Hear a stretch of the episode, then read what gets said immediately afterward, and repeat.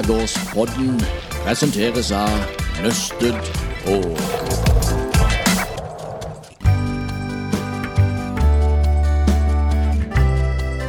Skjærgårdspodden med Thomsen og Loland. Hipp hipp hurra, hurra, hurra for episode syv. Ja, det svinger nå, Thomsen. Ehm, ja, episode syv. Vi er faktisk på episode åtte. Ja, det er vi, ja. Det er ikke syv, det er åtte. Uh, uh, det er, grunnen til at jeg- det svinger, at jeg føler at i den senere tid Ja. så har det, det har vært mye nå. ja, det har vært kolossalt mye. Fikk lov til å komme i den lokale blekket Ja. og fortelle om podden vår, og vi fikk lov å komme i, Eller i bladet, som mandalittene kaller det. i bladet. i bladet. Ja. Kom i bladet. Det er stas å være i bladet. Har du, hørt, har du hørt det? Jeg fikk ikke bladet til morgenen i dag. Det er noen som ikke har fått bladet til morgenen i dag. Barnebarnet mitt var i bladet! Fikk du bladet i dag! Bladet er gøy. Den er fin. Og, og ikke bare én gang, men to ganger. Ja. For uh, uh, kirkesenteret kom òg. Ja. Uh, Mandal med det, ja. Ja, på grunn av man, at vi skal være i Mandal, gamle Mandal kino. Yes, og ha show. yes, og, og uh, da fikk vi lov med i den reportasjen òg at vi skulle inn der og Ja.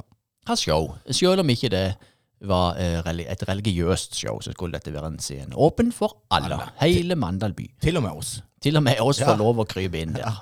Det er jo fantastisk. Og så på toppen av det hele, så, så tar du kontakt med meg og sier du, eh, eh, Loland, NRK Sørlandet har ringt. Vi, vi, vi må inn der på mandag. Ja. Kan, kan vi være der halv syv i Kristiansand? halv syv, altså 0630. Ja. Og, og det var en Ikke 1830. Det er stor forskjell på det. Det er det veldig stor Ja. forskjell på. Og så kom vi der. Og, og ble intervjua òg i to omganger Ja. om podden. Og, Ja, ja. og det ene jeg sitter igjen med der, det var de kjørte jo introen på radioen. Ja. På NRK, må si det. Norsk. Rikskringkasting, Yes. altså. Som vi betaler lisens for og alt. Over 3000 ansatte på landsbasis. Har du lært? Ja, det, det hadde jeg funnet ut av. Det. det var veldig gøy. Og så spilte de introen over telefonen over eteren ut på lufta blant de tusen hjem på Sørlandet. Og, og når den var ferdig, så sa hun eh, programlederen at eh, åh, nå, nå, nå kom jeg, nå var jeg plutselig på sjøen, og måkene eh, var rundt Ja. meg, og får en deilig intro. Og det har ikke jeg Det- og- tenkt, det har ikke jeg tenkt på engang. Nei, og dette var en utrolig deilig måte av det å skryte av den jinglesen du har lagd. det, var det, var den fineste introen du hadde hørt. Ja, altså, det er jo eh, det, det, er jo det ikke, aldri- det er jo ikke vi som har lagd den, er akkurat den. Nei, det er ikke det. Nei, nei, Nei. det er Rune Frodesen som Å, Rune Frodesen? Ja, som lagde den låten der. Så det er bare begynnelsen Ja, av en sånn, låt. Ja, ja, ja, ja. Med Marna Motor. Jeg får bare fortsette eh, digresjonen om mine låter. Men det har vært en begivenhetsrik uke oh, eh, som vi har lagt bak oss. Det har vært et kaos. Og det er utrolig deilig å komme tilbake til studio, egentlig. Og så bare være med og det, og så låste dører. Ja, og så prøve å holde skuldrene nede for forventningene. Jeg føler jo at forventningene stiger, så blir man stressa. Men Det er jo et enormt medietrykk om dagen. det er voldsomt. Men vi klarer å beholde roen. Vi har beina godt planta på jorda. Det har vi absolutt. og tar det syndig. Og hvis ikke vi hadde planta på jorda, så blir vi eh, fort jorda. Og det har jeg opplevd siste uka. For jeg har fått en del tilbakemeldinger på at jeg er litt sånn hausen. Eh, fordi at eh, jeg name-dropper folk i denne podkasten. Ja, du nevnte det. Og så er det noen som sier det liksom at «Øh, du snakka om meg i den podkasten, og så gjorde jeg det. For jeg kan ikke huske det. For jeg, eh, det er jo du som redigerer alt dette, Loland. Og det jeg prater, det prater jeg jo om uavhengig om jeg er på live eller på lufta, eller hva, hva det heter for noe. Ja, ja, ja. Eller om det er under en kaffedrøs. Og så i andre... Det som kommer, det kommer. Og så, så, så, ja, så, så jeg tenkte at nei, men da skal jeg slutte å name-droppe, da. Eh, hvis det er det jeg må gjøre, liksom. Hvis folk eh, føles litt sånn. Nei, det må du ikke. Det er bare, det er bare fordi vi er i, på Sørlandet. Ja, det er derfor. og det- Ja, I andre byer så har de vært Å, hørte du de nevnte navnet mitt i podden? Kjempedeilig. Men i mandag er det sånn Hvorfor snakker du om meg? Ja. Du kan ikke snakke om meg. Nei, for det var Paulsrud ikke sant, som hadde fått eh, en haug med meldinger fra jobb fordi at han ble så veldig involvert i den flatulens. Em, sant, når, vi, ja, når vi ja. prater om flatulens der, og fising og det, alt det der, sant, så, så har man jo noen historier fra virkeligheten, fra livet. ikke sant? Og så For å sette liksom ordentlig følelse til historien, så må det jo knyttes til mennesker. Og Derfor ble Paulsrud eh, dratt med inn i den. Ja, ja, ja. Og vi er jo alle i samme båt, så det er ikke noe å tenke på det, Paulsrud. Nei, nei, nei.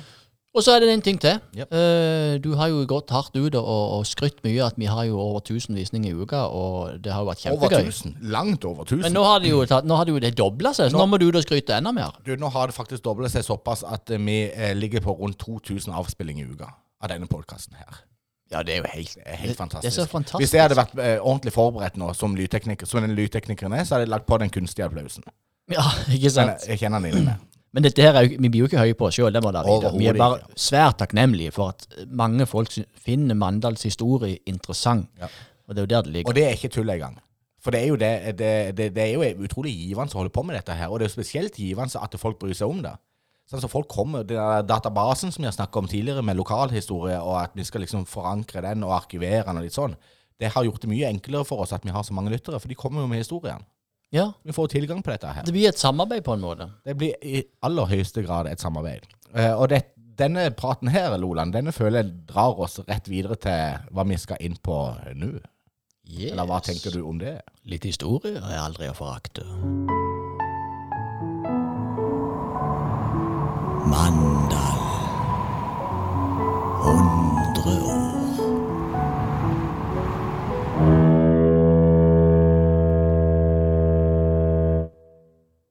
Og det er ikke noe lett oppgave å formidle disse historiene. Og det er ikke fordi at ikke det er tilgang på historie, snarere tvert om. Det er for mange. Nå er det vanvittig med historier som hagler inn. Apropos ap- digresjonene igjen. Ja. eh, Som, det er et ord som har lært av Edra Thomsen. Ja. Digres, en digresjon, ja. ja. Og det er dette med historier. eh, som når du, når du røsker det opp på en måte, og rister teppet litt, så ser du den enorme entusiasmen. Fordi at eh, alle har jo lyst til å sette seg inn i historien, men de fleste har jo ikke tid. Og det, og det er jo det som er noe som eh, man følte kanskje ikke at det var så voldsomt mye iver i det blant den jevne eh, sørlending og mandalitt. Men det er der. Men det er jo en travel hverdag. Og når du da kan få høre det, de historiene du forteller mens du har på deg et headset og er på trening, eller ute og går tur, eller er på jobb, det er jo helt genialt. Fantastisk. Formatet er jo helt genialt. Så her kan du få disse historiene rett på øret, uavhengig av hvor du er henne i verden, og hva du driver på med. Ja. ja. Det eneste er hvis du eh, står og skal holde eh, et eh, foredrag, nå så er det for meg, så kan det være litt uheldig å ha skjærgårdsbåten på øret. Eh, hvis du f.eks. skal stå i tre kvarter og eh, fortelle studentene på UiA om noen molekyler, f.eks. Ja, det, det det, det er jo sånn. det der fristedet man, eh, man må lage seg. Sånn som den bonusen vi har lagt ut ved intervjuet med Terje Simonsen, som man virkelig må lene seg tilbake og sette av en time Ja. og, og kose seg med. Men nå skal, vi, nå skal vi til historien. Ja. Og vi skal, vi skal videreutvikle en historie som vi allerede har hatt i første episode.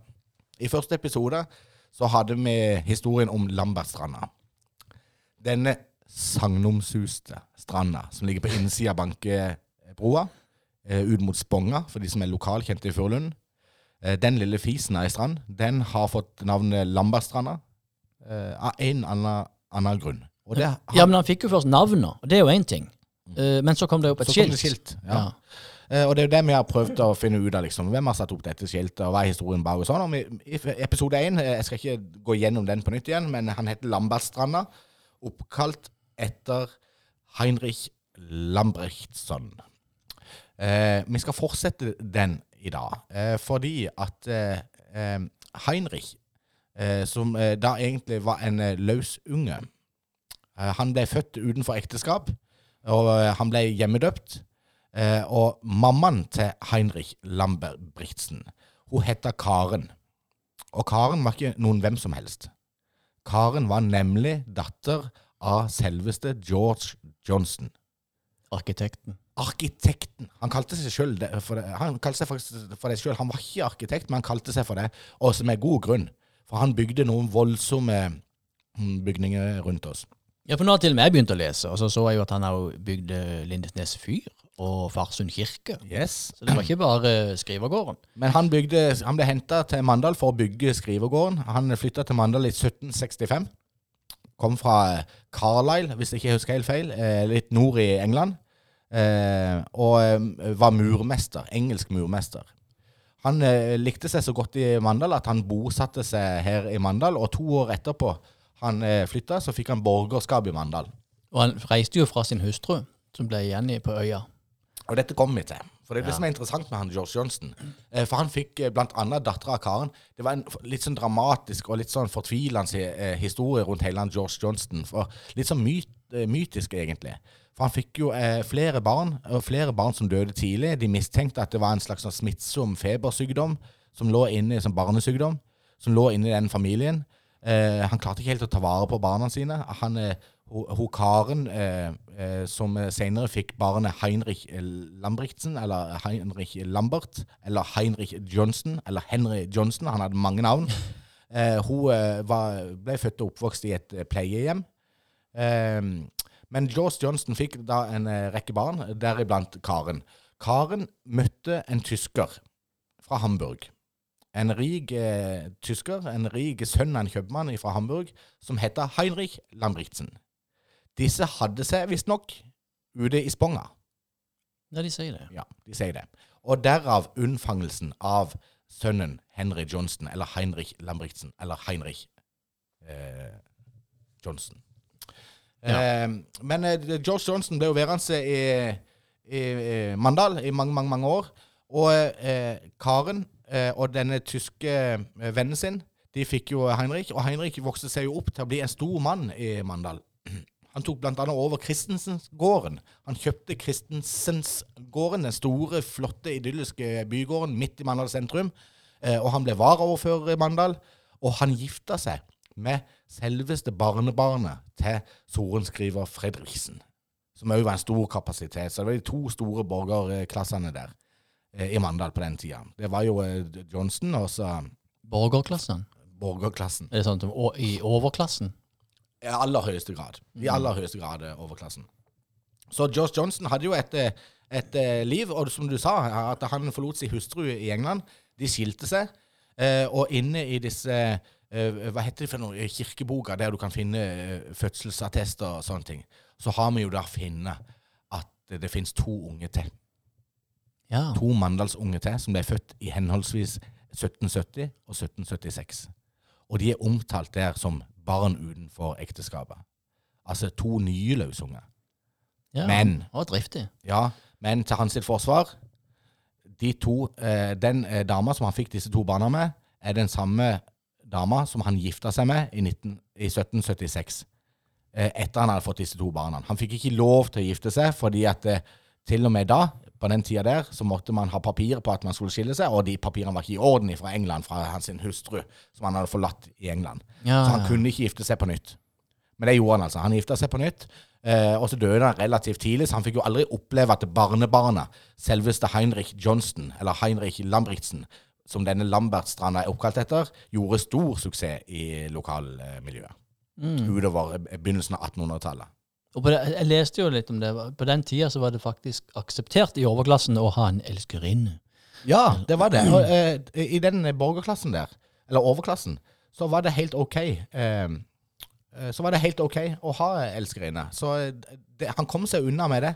Eh, men det skjedde, det var noen rare ting. Han, eh, to av barna var eh, på ple, eh, hos pleiefamilie, og det var ikke så uvanlig på den tida, men det var veldig uvanlig i borgerklassen. Det var jo heller i de ressurssvake familiene som hadde behov for at barna fikk uh, Pleiefamilie var som en slags foster, eh, fosterfamilie, på en måte.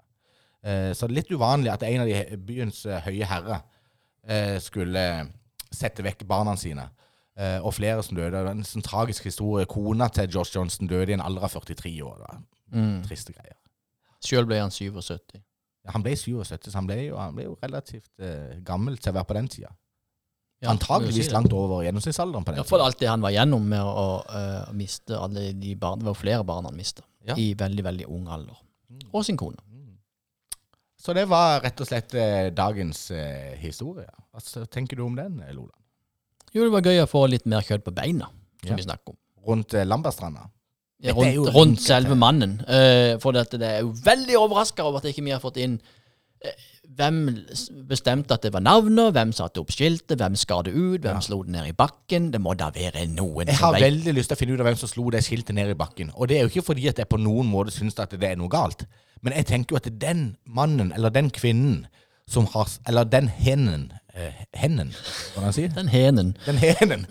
Den henen Eventuelt den hedningen. Eller den hedningen, ja. Men den, eh, dette mennesket der som har slått det skiltet ned i bakken, det mennesket må jo sitte på noe mer info om Lambert og hele denne George Johns, hele denne mytologien rundt det som foregikk på begynnelsen av 1800-tallet. Har du studert skiltet? Er det, er det skjert inn noe navn eller noe på det? Sånn Nei, det er ikke liten det. skrift bak det ene beinet? Og det har jeg eller ikke sjekket. Jeg har jo ikke tatt det opp og analysert det og sendt det på laboratorium akkurat. Nei, for jeg tenkte at Vi bør jo legge ut et bilde av dette skiltet på Facebook-sida vår. Det skal vi absolutt gjøre. Og- Og med en ny etterlysning. Eh, for hvis ikke så har vi ikke så mye annet valg at vi er nødt til å bli med på det Åsted Norge. Ja. for- Det Hva du kalt det? Å- Åsted Skjærgårdsbåten? Åsted Skjærgårdsbåten. Ja. Ja.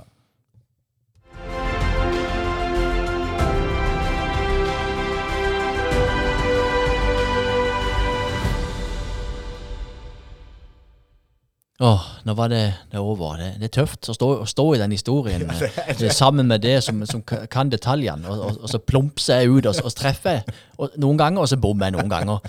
Og i dag traff jeg, tror jeg, på alt. Ja, for før, før i dag, da vi skulle ha en kaffe på kjøkkenet der, og da hadde du nettopp sittet og lest det opp. Og det, eh, vi har jo snakket om dette før, at du har jo en hukommelse under enhver kritikk. ja. Eh, og så hadde du valgt å ta med deg de papirene mine eh, om denne historien rundt Lambertstranda og Heinrich Lambert, Lambrichtsen og dette her. Det hadde du valgt å ta med deg inn på ditt kontor for å lese litt opp på det. Og da visste du ikke at vi skulle snakke om dette i dag i det hele tatt. Nei, det var bare helt tilfeldig. Men da var dette helt ferskt. Så når du kommer ut på, på kjøkkenet, så sier jeg Vet du hva, i dag så har jeg, jeg har lyst til å dra den historien med Lambertstranda litt videre. Nei, med Heinrich Lambrichtsen og det der. Og så svarer du Å ja, eh, det er med Lambertsetra. Lambertseter. Det var, det var to minutter etterpå du hadde lest hele historien. Det er ikke bra, vet du. Det var, det var like før jeg sa ja, han ga jo 1800 riksdaler for uh, Christensen-gården. Jo, men det er jo, det er jo ikke langt unna sannheten, det. Det stemmer det? 1800 spesidaler. da. Spesidaler, Men jeg vet ikke ja. hvor mye det var. eh, en- Hvor mye er 1800 spesidaler? Det, det er jo rett i underkant av 2000 spesidaler. Mange sandalpar er det? Det kan du si. Eller ankelsokker, for den saks skyld. Ja. Det var gøy. Mm. Eh, I begynnelsen av episoden der hørte man vel litt grann for første gang at uh, Skjærgårdspodden presenteres av uh, Nøste Dog. Ja! Og det, Det er jo helt- Det, det, ja, det syns jeg er litt stas, og kanskje vi kan drodle bitte grann Ja, om det. det må vi jo. Altså, det er jo litt sånn bemerkelsesverdig, for det er jo den første, tidenes første annonsør av uh, Skjærgårdspodden. Mm. Uh, og det, det er veldig riktig at det var Nøste Dog. Ja, det var det. Og, og eh, så vil jeg bare nevne at det, det, det kommer ikke noe reklame i selve podden. Men Nei, det gjør det ikke. vi har tillatt oss å ha en presentasjon i forkant, som vi kan, også kan få noen spesidaler. eh, som vi får til salt i grauten. Men eh, bare det så det er sagt, så vi kommer ikke til å reklamere noe særlig for Nøste Dog og disse her bedriftene rundt i, den, Nei, nei, nei, selv om det er en fantastisk eh, bedrift vi står og jobber med. Jo, men det er det jo. Det er jo fantastisk, Jon Erik. Men eh, fra eh, spøk til Revolver. Revolver. Mm. eh, Nøstedog har jo en historie som er veldig interessant. For oss Det er jo ikke tilfeldig at vi henvendte oss til Nøste Dog. Nei, Eh, for de er og- 75 eller 70, noen, er det ikke det? 77 år, tror jeg. Ja. Eh, og, og det er jo en eh, De har vært forankra i Mandal. Eh, det, har vært tusenvis av mandalitter som har vært ansatt i den eh, bedriften. Og de holder seg i Mandal. Sant? Ledelsen, direktøren sjøl, Mereten Østed sant? De skal holde ja, det er prisverdig, altså. Eh, Nå driver de jo rundt over hele verden, og man ser jo på det der eh, Vinternattens helter, eller hva det heter for noe på, som går på TV, der, der med disse her oppe eh, som, med, med kjettinger og sånn. Amerikanske Ja, stemmer det. Ja, ja. Det, da er det jo stadig vekk at de kommenterer at kjettingen er fra Nøstet og sånn. Det er den eneste kjettingen som er god nok, som de sier. Og i Alaska, eh, der er det jo noe sånn greier. Sant? Så jeg tror de sender jo kjetting rundt over hele verden, så det er jo Ja, ja, ja. Forankringskjettinger til sånn flytende olje Nå er jeg litt på tynn is, da, men det, det er svære greier. Nei, Det hører jeg, at du er på svært tynn is, og du bare Men det er greia greier. jeg gikk jo bare på at eh, det, det er jo veldig gøy for oss, og vi setter veldig pris på at næringslivet er så velvillig, og de Ja. er så positive, og Ja. at dette er gøy. Ja, ja. At vi roer i historien. Absolutt. Eh, vi skal eh, litt grann videre. For Vi vi, begynner å nærme oss en ny spalte. Yes. Vi skal ha ukens Mandalitt. mandalitt. Ja da, ja da, ja da. Jeg mener jo det at hvis du har en egen pod, en skjærgårdspod i byen, så bør man snakke lite grann om uh, mer sånn kjente mandalitter som har gjort seg bemerka på, på et vis, kan du si. Syns jeg. Ja, Det syns vi. i aller høyeste grad bemerka Ja. Ukens mandalitt. Som ikke bare vi skal prate om, men som vi skal prate med. som er på besøk her, og det er gøy. Rett og slett på besøk i Skjærgårdspodden som Ja. ukas mandalitt. Og ukeman, ukens mandalitt er Elisabeth Stensby. Ukens mandalitt er Elisabeth Stensby. Hun kom seilende på kjærlighetens vinger til Mandal. Showdamen startet sitt Studio E, som har 15-årsjubileum i 2022. Ukens mandalitt. Velkommen, Elisabeth. Hei. Velkommen, velkommen. Så hyggelig. Utrolig mange av de som eh, hører på, vet nøyaktig hvem du er. Men det er sikkert ikke alle som vet det med å bare si Elisabeth Stensby. Men hvis vi kobler på et annet merkenavn som er tilknyttet det, eh, som Studio E, så tenker de fleste, iallfall i regionen eh, vi holder til i, kjenner deg godt igjen. Og så Støldama. Også Støledama. Ja. Du gikk under navnet Elisabeth Stensby Det var Støle. tidligere. Ja, ja, ja. Eh, men du er innehaver og gründer og eh, innovatør av danse... Eh, hva, hva kaller du det? Showskole. Showskole Studio E. Ja, for det sa hun nettopp. Vi prata litt før vi gikk på. Så du liker å lage ikke bare dans, men et show som inneholder både dans og teater. Mm. Og humor òg. Ja. Jeg låser meg ikke på et felt. Jeg liker det te teatralske uttrykket. Mm. Ja, Å formidle følelse. ja. Eh, og det kan jeg skrive under på, for jeg har vært inne og kikka litt på litt forskjellige ting. Eh, og da så jeg annet noe som lå på YouTube eh, fra 2018, hvor det hadde en forestilling eh, på teater i Kristiansand. Eh, som jeg lurer på heta Fri... Nei, Ja, det var i Kilden. det var i Kilden, ja. Fri meg. Ja. Fri meg, ja. Ja. Eh, og det, det var nokså langt altså, For det er klart, de fleste tenker jo på dans med Studio E. Uh, og så har du vært litt nøye på det at du er ikke dansedama. Du er mer enn det. Mm. Ja. Uh, og eh, det kan jeg bare anbefale. Det ligger noen snutter på YouTube, og der fikk jeg en innblikk av hva denne forestillingen skulle dreie seg om. Og det var jo en tematikk som går nokså langt forbi det bare Altså eh, danskunsten. Det var jo et eh, teater, og nokså dype, dype ting. ja, det var jo psykisk helse Ja. For oss der. Eh, og dere holdt jo òg et eh, show nå i eh, Ja, nå kan jo denne podkasten høres når som helst, men eh, 2021, høsten 2021. Stemmer ikke det? Jo. Eh, og da, da var temaet Det var jo nokså dype greier. Ja, det var det. Ja. Ja, jeg er veldig opptatt av individet og mennesket, at vi, hvordan vi har det. Altså, jeg er veldig opptatt av at vi skal behandle hverandre bra og med respekt og tillit. Og, og jeg vil lære elevene mine om hvor tøft det kan være å, ha, å være annerledes og skeiv og, og ja, rett og slett annerledes. Og at de skal lære dyp i det å formidle uh, sterke budskap gjennom, gjennom disse oppsetningene. Da. Mm. Så For det du- betyr jo veldig mye for de òg. Ja, det er jo klart du Det er det. sterkt for de å stå i det og være i det. Mm. Så du lærer jo ikke bare eh, barn og ungdommer å danse, du lærer de jo å bli gode mennesker.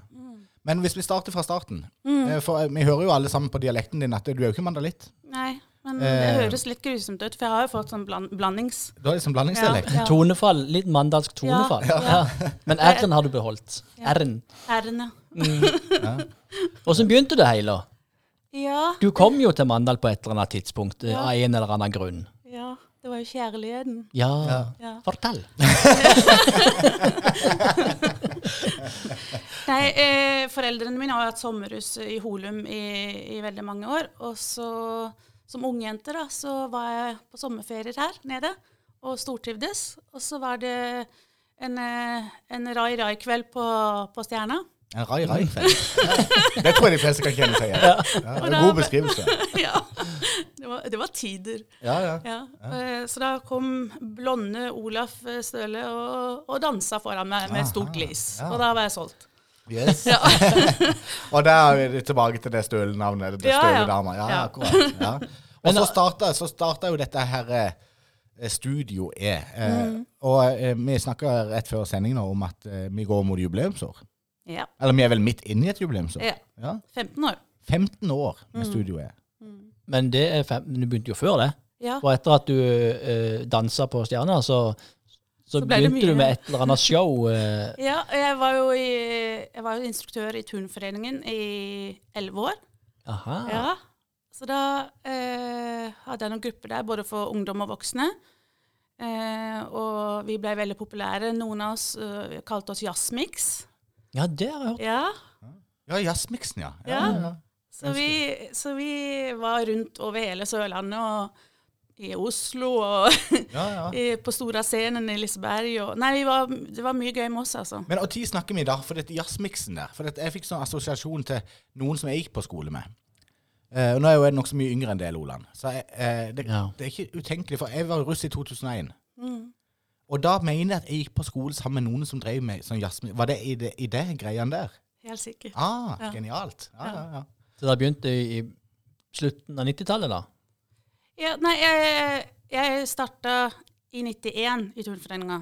Eh, Jazzmix-konseptet mm, kanskje syv-åtte år etterpå det, eller noe sånt. Akkurat. Ja, men da tenker jeg at eh, Kristina Pettersen og de som jeg gikk sammen med på skolen Ja, med. ja, jeg har jo hatt nesten alle i byen, liksom. Akkurat. Ja, ja, ja. Det er jo helt fantastisk. Så nå er det sånn jeg har liksom, barn og barnebarn og Ja, og det bringer meg egentlig inn på det som jeg hadde lyst til å spørre deg litt om. Fordi at det er klart at det, Du nevnte at det, dette er mer enn dans. Dette er Du elsker å, å være med på å forme ungdommer, barn med gode verdier.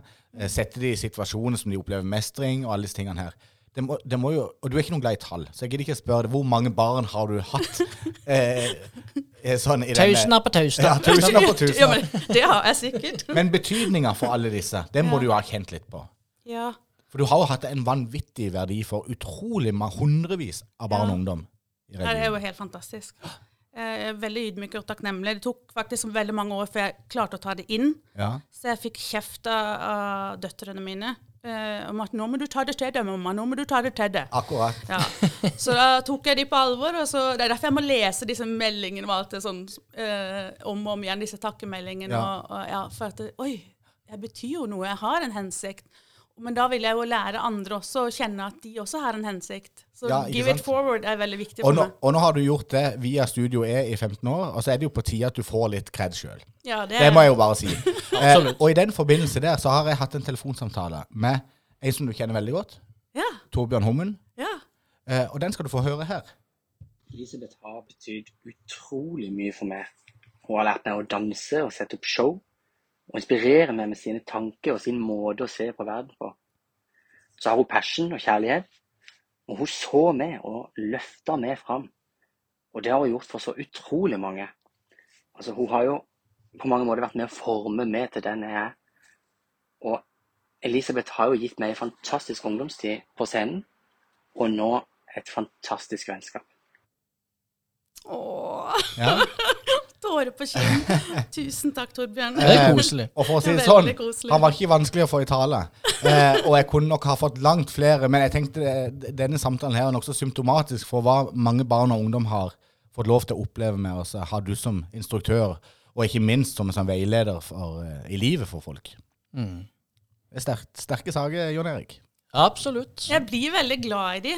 Eh, og jeg får også en sorg når de slutter, så jeg liksom Jeg blir sånn en morsfigur, da. Ja. Det blir samme greia som lærere har det jo litt sånn. Ja, For de ja. følger elevene fra første til fjerde klasse, og så går de videre. Ja, så ja, ja. begynner du på nytt. Ja. Ja. Jo, for dette er jo barn og ungdommer som kommer til et eller annet punkt i livet sitt hvor de forlater byen, de går for å studere, de har, og mange av disse har jo sikkert vært med i mange år og satt opp forestilling sammen med det og sånn. Men hva, hva, hva skjer da? Jeg har de fra de er fire-fem til liksom 18. Ja, Det er lenge. men hva, du har ikke vurdert å ha voksengruppe noen gang? Jo, Ja. vi har begynt med det. Og dere har begynt med det, ja. Ja. Det er jo fantastisk. Ja. Så de som har opplevd ungdommen i Studio E, de kan eh, re tilbake, ja. revitalisere. Kom tilbake til sånn trim for eldre. Ja. det er jo som mer av det hvis vi skal melde oss på i Turnforeninga. Ja. Jeg tror ikke vi skal melde oss på i Studio E med det første. Vi må først ha et halvt år i det der eh, Trim foreldre i Mandal Turnforening. Ja, absolutt. Ja. Og du trives som mandalitt. Altså, mandalitt, hva er definisjonen av det? Noen sier født og oppvokst. Nei, Da er du mandalitt. Men uh, du har jo bodd her i mange år. Jeg har jo bodd her lenger enn jeg har bodd på Østlandet. Ja. Ja. Ser du på deg selv som mandalitt, eller ser du på deg som en østlending? Det er sånn blandings. Ja, man kan, man kan ikke gi slipp på der man er født og oppvokst, Nei, det er noe med det. Men det er jo litt interessant, for hva, hva tenker du, er, hva er det typiske mandalske? For det kan jo ikke bare være enkelt, og det, er sikkert, det gjelder sikkert overalt, men det å komme til en litt mindre plass, og så skal du etablere deg, ikke sant, og du har, eh, du er, er garantert en sterk personlighet. Det er ingen som kan drive noe sånn uten å være sterke. Og så skal du liksom etablere deg i noe som allerede er superetablert gjennom hundrevis av år. Kjente du på janteloven? Det er jo det vi spør om. Ja, jeg gjorde det. Ja. Som både blond og østlending og kvinne, så gjorde jeg det. Hun der skal alltid stikke seg frem, hun Ja, der. det er der. noe med det. Men hadde jeg, hadde jeg vært med på, har det vært med på å forme litt av det der, eh, eh, argumentet med at jeg er mer enn en dansemamma, eller mer enn en danselærer. Jeg vil jo bli tatt seriøst med det jeg holder på med, for jeg jobber beinhardt for å komme dit jeg har gjort. Ja. Og det er ikke gratis. Det er ingenting, Suksess er ikke gratis. Nei, det det er er beinhard jobbing. Du har jo vært en stayer i, i ja, Studio er 15 år, men med alt så er det jo snakk om 30 år. Ja, nærmere det. Ikke sant? Mm, mm. Så jeg tenker at eh, hvis jeg bare fortsetter med det jeg holder på med, og gjør det bra, så, så får jeg respekt og tillit og ja. Og nå er det, så det er ingen som tør å si imot meg lenger. holdt jeg på å si. Du har vunnet! Du har vunnet. Det er veldig bra. Det er seier!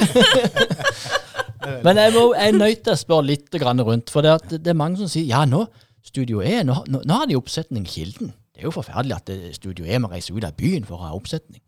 Eh, Hva er historien bak? Jeg, jeg vet jo at det begynte i gamle Mandal kino. Det var vel de første showene, og så gikk det vel over til Buen etter hvert, når den kom. Og så er det over i Kilden. Ja, og teatret. Mm. Ja. Ja. Er, det, er, det, er det kun økonomiske ting, eller er det Nei, altså det Jeg tenker at eh, det er nyttig å få prøve seg på ulike scener og u ulike arenaer. Og, og, og s s gjøre sin egen research. Fordi at vi har hørt i mange år at de gjør sin research. Da syns jeg det er litt interessant å se hvordan de gjør det andre plasser. Ja. Så det har vært nyttig for oss. Og så sammenligne i forhold til det økonomiske også, men det er liksom hele greia. Ja, er hele en pakka. Mm. Ja. Riktig. Det, skjønner, det skjønner jeg veldig godt. Og, eh, men, og veldig mandalskt og fint sagt. veldig diplomatisk og fint sagt. Så du har jo lært Det må Det var så være, så synd at jeg nesten sa Ja, det. Det er liksom, jeg har blitt litt sånn. det må være Olav Støle som har Ja. eh, adoptert vekk et sånt et eh, mandalsgen der. Et rolig mandalsgen. Men bare for, jeg skal, Vi skal ikke hekte oss opp i noen sånn debatt, eller sånn, men det raser jo en sånn kulturdebatt i Ja. lokalmiljøet. Vi har jo vært en del av den eh, debatten og sånn. Eh, og det med det økonomiske og det sånn. Så jeg, jeg greier ikke helt å fatte og begripe. Er, er det rett og slett Er det rimeligere å lage et sånt produkt i Kristiansand enn i Mandal? Altså, jeg tenker ikke nødvendigvis rimeligere, men eh, jeg, jeg opplever at vi får mer for pakka. Ja. Det er mer i pakken. Og litt annen behandling, vil jeg si. Og det er en veldig god tilbakemelding å gi til først og fremst politikerne, som eh, fatter disse vedtakene for hvordan denne kulturen skal oppføre seg i Mandal. Eh, og så eh, må selvfølgelig buen innrettes etter det. Men det er jo kjempeviktig for Mandal å ha Studio E i Mandal. Utrolig viktig. Det, det, det, som er, ja, det er jo blitt en institusjon. Ja. Det er der man går, eller ungene går for å danse og showe. Ja, så Men- tenker jeg at vi, vi må bli ivaretatt også av, i byen her. Vi skal Ja. ikke bli bedre ivaretatt uten bys enn i vår egen by. Det burde vi ikke være. Men da har jeg et lite tilleggsspørsmål. For da var vi nettopp i avisen, ser jeg går spådden, og Mandal 100 år på 100 minutter. Det er veldig gøy åssen du greier å se- eh, eh, vinkle over alle gjestene som vi får utenfra til å handle, Det handler- handle om oss. Skjærgårdsbånd. Jeg kan bare gå. det, det, er noe, det er noe med min personlighet, ja. Nei, Nei, men altså, jeg ville bare inn på, på Du begynte jo i gamle Mandal kino, og nå er jo de tilbake igjen og vil at folk skal bruke gamle Mandal kino. Ja.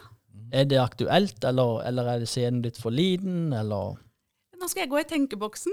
Ja. Jeg ser jo at dere skal sette opp der. så Og jeg er ser jo veldig for meg at Studio E hadde jo vært skreddersydd i disse lokalene, med den historien og nostalgien som ligger i veggene og alt som er. Ja. Vi elska å være der. Vi syntes Ja. det var stas. Ja. Så Så kult. det er nesten sånn take me over. Altså, ja. Ja. Det var ikke bare heldig å komme over broa. Nei, nei. Nei, akkurat. Nei, nei. Og det er jo en, det er en ærlig sak. Ærlig sak. Men hvor går veien videre Men nå? vi er veldig takknemlige for Kulturhuset. Vi har hatt store, fantastiske opple opplevelser der. Det må jeg bare si. Ja, ja, ja. Ja, ja, det skjer jo ting der hele tida. Ja. Det er jo bare en debatt. Men eh, livet går fremover. Hvor eh, skal Studio E videre? Eller før det, jeg er nødt til å spørre om det. Eh, For vi har vært gjennom to år med pandemi. Åssen har det eh, vært eh, for disse eh, med, med nærkontaktreglene og dette her? Nei, det har vært kjipt. Det har vært kjipt. Har, har det vært eh, lange perioder hvor at det var rett og slett fullstendig ulovlig? Og, Vi har hatt noen perioder, ja. ja, Mm, ja. det har vi.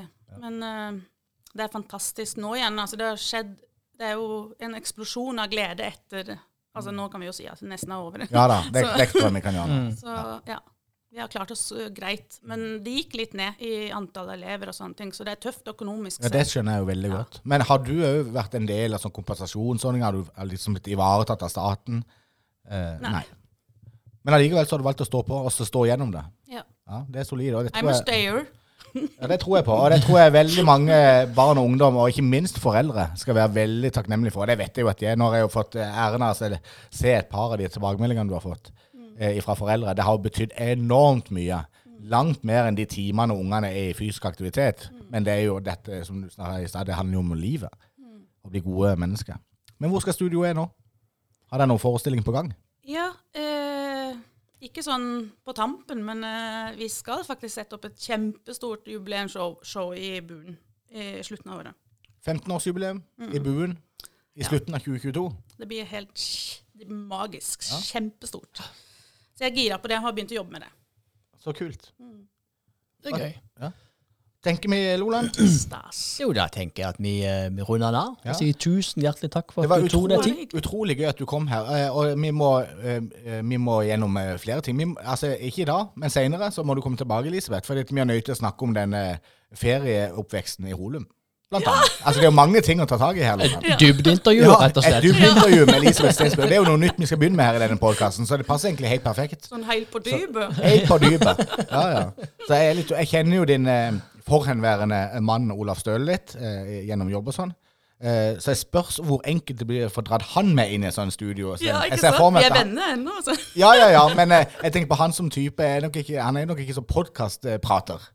Tror du det? Tenker du det? Kanskje vi skulle fått med Olaf òg til å For vi må jo gjennom den Rai Rai-kvelden på Stjerna. Ikke vel? Det er flere ting vi må gjennom. Men tusen takk for at du kom, Elisabeth. Og lykke til med alle fremtidige forestillinger. Altså med som Ukens litt Elisabeth Stensby. Tusen takk.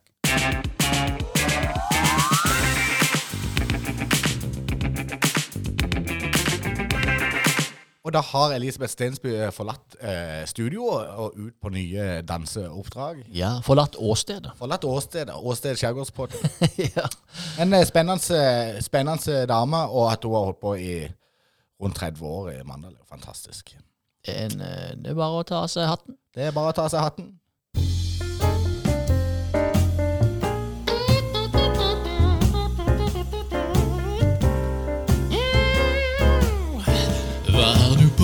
På hjertet? Endre Thomsen. Mm, Hva har du på hjertet, gamle Loland-mann?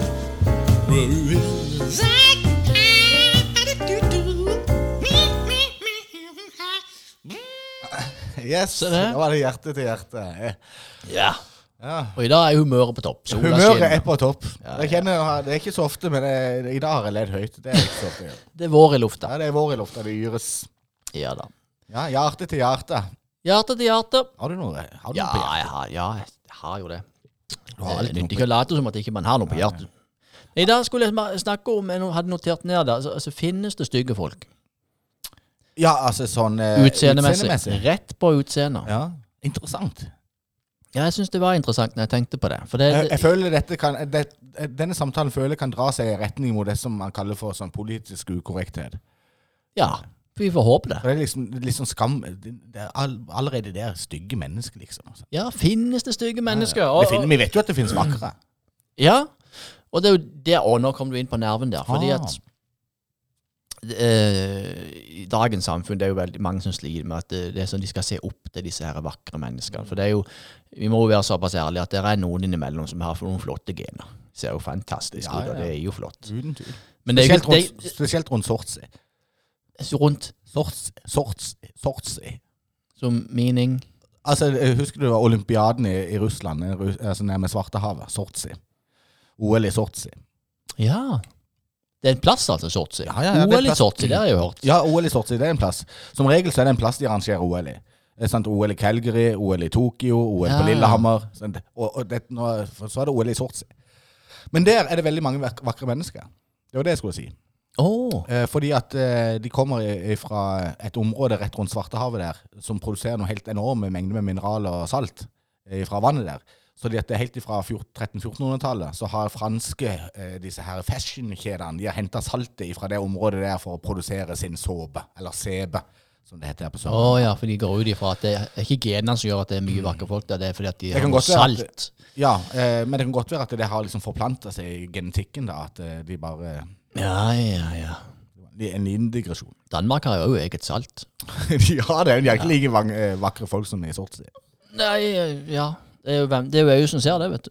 Det er, jo- det er jo det jeg skal fram til. Dagens samfunn, mye press. Folk skal se ut som disse her ekstremt vakre folkene som eh, Ja. florerer rundt på magasiner og TV og show og mote og alt dette her. Men det er jo ikke den skalaen Snapchat, så. Det er ikke den skalaen jeg er interessert i. Nei, jeg skal i, n- under den skalaen. Mm. For de aller fleste av oss er ikke der oppe. Nei. Vi er på den plata under. Ja. Og det er jo der det kommer med, med, med erting og mobbing og alt sånt, og, Ja. og si at folk er stygge og sånn. Men det blir jo helt feil å si. Ja. Altså Hvis alle hadde én formening om hva som var vakkert, og hva som ikke var vakkert, så hadde vi kun hatt for eksempel kun ett bilmerke. Ja? Ok, nå forklar. Altså, for det er øyet som ser. Ja. Ikke sant? Når, når, når, vi var unge, vi og kompisene mine, vi, vi var noen rare folk. Men én ting var vi enige om. Det finnes ikke stygge jenter. Ja. Det finnes bare pene jenter. Og så er det noen innimellom som er veldig pene. Ja. Ja. For det, at, eh, det er ikke sikkert at uh, den ene syns noe er pent uh, som den andre syns er pent. Nei, nei. I, I denne verden, så uansett åssen du ser ut, Ja. så er det noen som syns at du er veldig vakker. Det er, det er veldig interessant. Og det minner meg veldig faktisk Får jeg lov til å ta en liten digresjon på akkurat det? Ja, ja. For det minner meg om en kollega som jeg jobba med for mange år siden. Eh, han hadde fått et barn, eh, og så var han veldig kry. Eh, så han var inne på fødestua i Kristiansand og fikk møte, møte dette barnet for første gang. ja. Og dette barnet, altså han var, han var så kry, eh, og han mente at dette barnet var så vakkert. Det var spesielt vakkert barn. Han, og, og han, han mente at det var såpass vakkert at han måtte skjule det for alle andre. Så når han gikk rundt og løfta dette barnet på den fødestua, så prøvde han å skjule barnet for de andre, så ikke de skulle bli misunnelige på ham. Ja. Disse andre foreldrene. For dette barnet var helt spesielt vakkert. Og så sier han, men så har jeg jo sett bilder av dette barnet i ettertid. Eh, og barnet ble jo født tre måneder før tida. Mm. Eh, og så var det eh, fullt av hår. Så det så ut som en liten sånn hårball som lå inni et, sånn- slags marsvin som lå inni hånda. Eh, så han, men følelsen hans var at dette er jo det vakreste ja, som er skapt. Akkurat så, der jeg vil. så ser han jo i ettertid på bildet at det, det, den babyen hadde jo ikke vunnet noen som helst tittel. Han hadde ikke blitt, uh, fått jobben som reklame for uh, Up and Go. det hadde jeg ikke. Men det er jo interessant uh, at de følelsene Og det, jeg støtter det veldig i den. Og det, det jeg vil si til alle gutter og jenter der ute, at det fins ikke stygge gutter, det fins ikke stygge jenter, det fins bare variasjoner. Og stygge kommentarer. Og stygge kommentarer. Det finnes mye. Mm. Så det, jeg synes det er en fin holdning å ha. Og det er veldig Eh, fint. For det er når noen folk til meg ja, ja, men, eh, ja, men hun er jo ikke så pen, og sånn, så, så klarer ikke jeg å respondere på det. Nei. For jeg er nødt til å svare at eh, jo, det er hun. Eh, For noen, og kanskje for mange. Ja. Men eh, Og jeg går ut fra at Linda tenker at du er utrolig vakker. Jeg, det er jo det beste beviset. Ja, ikke sant? Men jeg vil jo ikke gå hjem til min kone, som òg for øvrig heter Linda. Vi deler jo, Ja. deler jo navn. Jeg går ikke hjem til min Linda og sier at 'Å, Jon Erik er så vakker'. Så jeg, men jeg skjønner jo men Hvorfor jeg, gjør du ikke det? det er For jeg syns jo ikke det. Men jeg, men jeg anerkjenner jo at Altså, eh, men du syns ikke jeg er stygg? Nei, overhodet ikke. Nei, nei. Nei, ok. Og så tenker jeg at ja, men de Linda syns jo at du er vakker. Ja, Ja, så holder det jo det for meg. ja, det er jo det de gjør. Hun har til og med sagt en gang at jeg var kjekk. Ja. Det er jo fantastisk. Og det, det beviser jo det jeg nettopp sier og gnauler om her nå. Ja, det underbygger det fullstendig. Ja, ja. Så du som lytter på, husk at du er vakker i noens øyne. Tusen takk for eh, deling, at du deler, Jon Erik. Ja, jeg vil, jeg vil alltid dette her vet med at vi er i samme båt. Det er så Ja. viktig for meg. At jo, ingen er føler seg alene. Det det. Ja. Ja. Jeg skal snakke litt om tidsånden. Den Tidsånden. tidsånden. Ikke ånden som går. Ikke ånden som går, men tidsånden. Eller nærmere bestemt. Det har ikke noe med Den hellige ånd å gjøre. Det har overhodet ikke noe med det å gjøre. Men det har, men det har noe med den der vanvittige dyrkinga av nåtida. Eh, som jeg syns blir for kolossal. Jeg får problemer med å forholde meg til det når jeg finner et par arenaer som jeg kan koble, komme meg vekk ifra den der helsikes nåtida. For nå er det så trøkk fra alle kanter.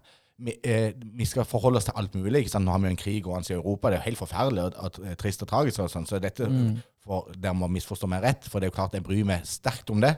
Men jeg må ta avstand fra sånne ting. For eh, som et menneske, som et sensitivt menneske, som vi alle er kanskje høysensitive på enkelte områder, det, eh, tror jeg, eh, så kan ikke jeg forholde meg til alle sånne ting. For dette, da blir jeg så utslitt. Jeg blir så utslitt av alle andre impulser enn mine egne. For vi blir så styrt av tidsånden. Vi blir så ty styrt av nyhetsbilder, alt det som foregår. Nå må vi gjøre sånn, må vi gjøre sånn, må vi gjøre sånn. Men du sa et eller annet sitat til meg. Var det Nietzsche? Eh, det kan være. Eh, som sa at eh, vi er så opptatt av nåtiden og det som er rundt oss, at vi glemmer å se helheten. Ja, ja, ja. Og det oppsummerte jo helt uh, vanvittig bra. nettopp Ja. eh, det du sier. Ja. Uh, og Nietzsche var jo veldig opptatt av det. Nietzsche, ikke Nietzsche. Bra at jeg du lo av det med en gang. Men dette kan jeg, dere kan klikke dere inn på den bonusepisoden som ligger ute med Skjærgårdspodden, hvor vi har gjort et dybdeintervju med Terje Simonsen. Så snakker vi litt om det med den tidsånden. Og det som du sier, det at jo mer vi fokuserer på det som skjer rundt oss i nuet, jo mer glemmer vi vekk deres totalbilde. Hva er meninga med de, de, store tingene? Det med å finne verdier og mestringsfølelse og alt det der. Det er bare, vi får, jeg tror ikke vi glemmer det heller, men vi får ikke tid til å gjøre det. Vi, får ikke, vi har ikke kapasitet. Vi har mer enn nok med å overleve og hive oss på et lynhastighetstog som hele tida er i bevegelse.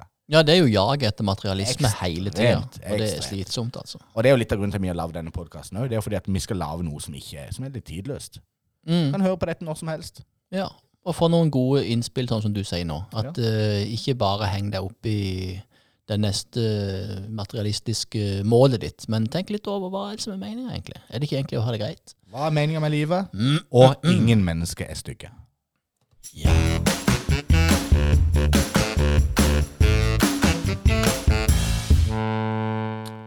Vi nærmer oss veis ende av nok et vidunderlig liten time med Ja, altså, det, altså, vi spiller jo dette her inn eh, på en torsdag, det er jo lov å si. Ja. Og noen ganger skulle jeg ønske åh, vi skulle gjort det på mandag. For, for en deilig start på uka. ja. Ikke sant? Det kan du si. Men samtidig så syns jeg mandagen, som ofte kan bli litt sånn kjedelig i dag, sånn, det blir jo mye gøyere for noe å se fram til. Jeg gleder meg jo til torsdagen. Ja, det er jo sant. Det er jo sånn man ser det. Det er jo sånn man Ja. ser det alt ettersom. Og det som er så gøy med podkast, er jo at de som lytter, kan jo høre på dette nøyaktig den dagen de vil. Og de Ja. trenger en liten oppsving eller avkobling fra samfunnet for øvrig. Absolutt. Og så kan de, eh, om ikke de kan gå inn og kommentere på selve podkasten, det er jo veldig vanskelig, fordi eh, det er jo noe som er spilt inn i forkant, og som bare ligger der. Ja. Men de kan jo gå inn på vår Facebook-side. ja. Mandal, eh, skyt løs. Mandal 100 år på eh, 100 minutter. Der ligger jo alle episodene ute. Og så det må vi øh, øh, Disse episodene her de ligger jo på alle plattformer nå. Ja, du sa det. Apple Podcast og uh, Pocketcast og Outcast og uh, Google Podcast og Name It og pod, Namepost. Jo, overalt. Ja, og absolutt overalt. Men stikk en tur inn på Facebook eh, Mandag 100 år på 100 minutter, og gjerne legg igjen en kommentar. Og ikke minst, gi oss noe fete, gode tips på hva dere kunne tenke å høre mer om. Ja, og ikke vær redd for å si ifra hvis du har lyst til å presentere nei. Det er lov. Det er i aller høyeste Ja, det er absolutt lov. Ja. ja. Men inntil videre, Jon Erik Loland, det har vært en ære, en sann ære å sitte med deg her i studio. Det er det hver Spille inn episode nummer åtte av. Skjærgårdspodden, og jeg gleder meg som en unge til nummer ni. Ser dere om ei uke endra. Eller kanskje før. Vi ses før. Ja, vi tror det. Eh, og vi høres òg før. Ja. Og snakkes på sosiale medier. Overalt. Overalt Skjærgårdspodden. Det er gøy.